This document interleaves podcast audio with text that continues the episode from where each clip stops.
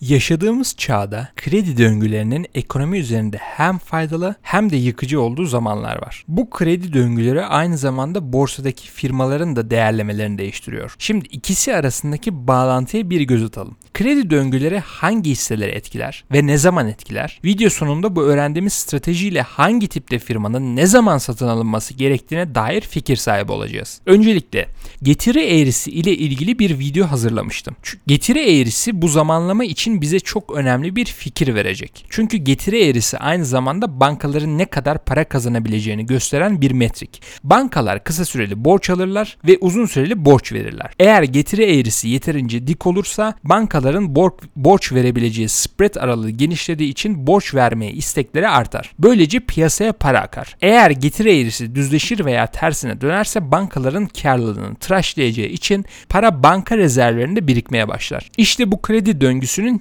işte bu kredi döngüsü bazı hisselerin değerlemesi için değerlemesi için kritiktir. Şimdi firma tiplerini ikiye ayıralım. Bir kısmına value yani de yani değer hisseleri, diğer kısmına growth yani büyüme hisseleri diyelim.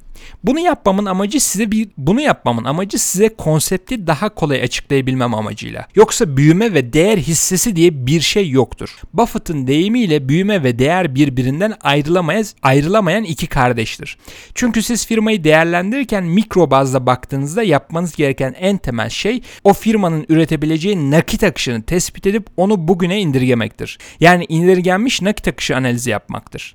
Haliyle %15 büyüyen bir firmanın nakit akışı %5 büyüyen bir firmaya kıyasla çok daha fazla olacağı için ilk ilk firma daha değerli olacaktır. Yani büyüme aslında değerin ayrılamaz bir parçasıdır. Firmaya verdiğiniz değeri belirlerken büyüme oranını hesaba katarsınız. Fakat şimdi perspektifi biraz değiştirelim ve olaya makro bazdan bakalım. Dünyadaki bazı firmalar, örneğin Apple, Amazon, Alphabet, Facebook, ekonomi içerisinde yeni segmentler oluştururlar ve veya GDP transfer ederler. Örneğin Amazon'un büyük bir geliri hem üretkenlik artışından gelir hem de perakende sektöründeki firmaların yok olmasıyla beraber onların gelirinin transferinden gelir. Yani bu firmaların temelde krediye ihtiyaçları yoktur. Çünkü bu firmalar çok yüksek miktarda nakit akışı üretebilirler veya kendilerini ucuz bir şekilde öz kaynak ile finanse edebilirler. Hem bankadan alacak hem bankadan akacak paraya muhtaç değillerdir hem de getiri eğrisinin dikleşip ekonomiye kredi akmasıyla beraber sağlanan üretkenlik haricinde GDP büyümesinden GDP büyümesinden aşırı bir şekilde etkilenmezler. Fakat bu kredi akışından faydalanan bazı firmalar vardır. Örneğin emtia satan firmalar, sigorta firmaları, gayrimenkul firmaları, bankalar.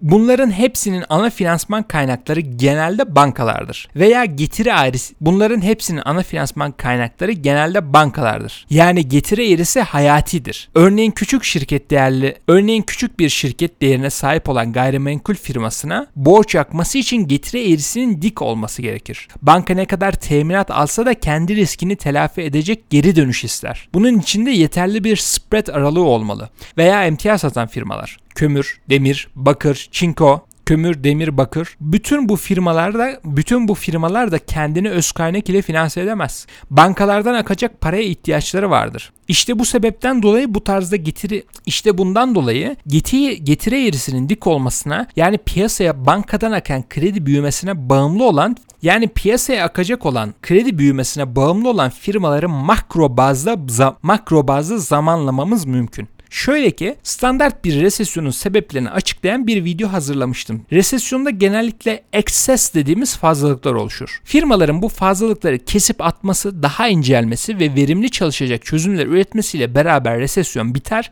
ve yeni bir büyüme döngüsü başlar. Bu döngüde firmalar gereksiz masraflarını kesmişlerdir, gereksiz iş gücünü çıkarmışlardır ve yeni ve yeni üretim yolları bulmuşlardır. Böylece firmaların karlılığı bir önceki büyüme dönemine kıyasla daha artar artarak devam eder.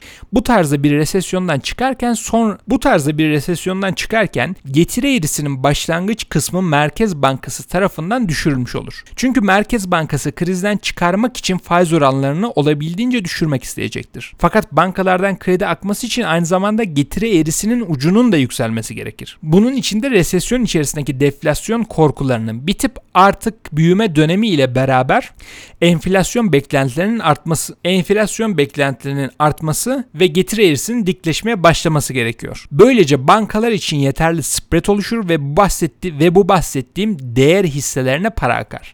Bu dönem resesyondan çıktığımız döneme eş değerdir. Buradaki kredi büyümesiyle beraber en çok geri dönüşü değer hisseleri sağlar. Neden? Çünkü geçen boğa piyasasında en çok dayağı yiyen onlardır. Hani büyüme firmaları örneklerini vermiştim ya. O firmalar boğa piyasasının son o o firmalar boğa piyasasının o firmalar boğa piyasasının sonunda yani 3'te yani 3'te 2'lik zamanda daha çok getiri sağlarlar. Çünkü ekonomi resesyonu atlatıp büyüme modunda bir süre geçirdikten sonra bu kredi döngüsü yavaşlamaya başlar.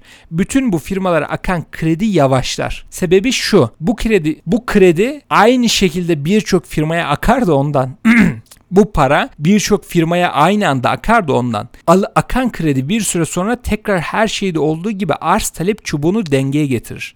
Değer hisselerinin gelirleri, değer hisselerinin gelirleri oransal bazda boğa piyasasının ilk bacağında muhteşem bir şekilde artarken zamanla akan kredi bütün sektöre nüfuz eder ve bu firmaların sattığı ürünlerin arz ve talep dengesini düzeltir. Böylece değer hisselerinin yavaşlama dönemi gelmiştir. Sıraya büyüme hisseleri yani deflasyonist sıraya büyüme hisseleri yani deflasyonist dönemde performans gösteren firmalar gelir. Bu firmaların büyümesi için herhangi bir kredi büyümesine gerek olmadığı için getiri eğrisi tersine dönse veya düzleşse bile büyümeye devam edebilirler. Örneğin Square firmasının GDP büyümesinden etkilenmesi çok zordur çünkü insanların dijital cüzdanları kullanmayı tercih etmesinin sebebi GDP büyümesi değil alışkanlıklarının değişmesinin vakit almasıdır. Bu alışkanlık değişimini beklediğimiz için de deflasyon dönemi büyüme firmalarını çoğunlukla etkilemez. Şimdi her şeyi bir özetleyelim. Resesyona girmeden önce çok yüksek ihtimalle getiri eğrisi tersine dönmüş veya düz hale gelmiş olacaktır. Bundan dolayı boğa piyasasının 3'te 2'lik kısmında büyüme hisseleri liderlik ederler. Bu süreçte gözden çıkarılmış ve kredi döngüsüyle darbe almış değer hisseleri çoktan unutulmuştur. Resesyona girdiğimizde bu değer hisseleri daha da fazla düşer. Çünkü birçoğu zaten fazla likit değildir. Fakat resesyondan çıktığımızda en çok geri dönüşü burası verir. Çünkü getiri eğrisi dikleşir ve bu firmalara para akar. Yani boğa piyasası yani boğa yani boğa piyasasının ilk üçte birlik bacağında en yüksek geri dönüş bu tipte firmalardan alınır. Ardından kredi döngüsünün yavaşlamasıyla beraber tekrar deflasyonda performans gösteren firmalara geçiş yapılması mantıklıdır. Tabii ki bu ekonomiye tamamen yukarıdan aşağıya bir bakıştır. Bir de aşağıdan yukarıya bakış olabilir. Yani büyümenin zaten değerle eşdeğer olduğunu bildiğimiz için bu döngüleri hiç aldırmadan firmanın gelecekteki nakit akışına göre bir değer biçmeniz de mümkündür. Fakat bu kredi fakat bu kredi döngüleri firmanın fiyatlamasını az veya çok da olsa etkiler. Çünkü fonlar genellikle makro kısma daha çok önem veriyorlar. Hangisini tercih edeceğiniz, hangisini tercih edeceğiniz ise tamamen size kalmış. Videoyu beğenmeyi ve paylaşmayı unutmayın. Görüşürüz.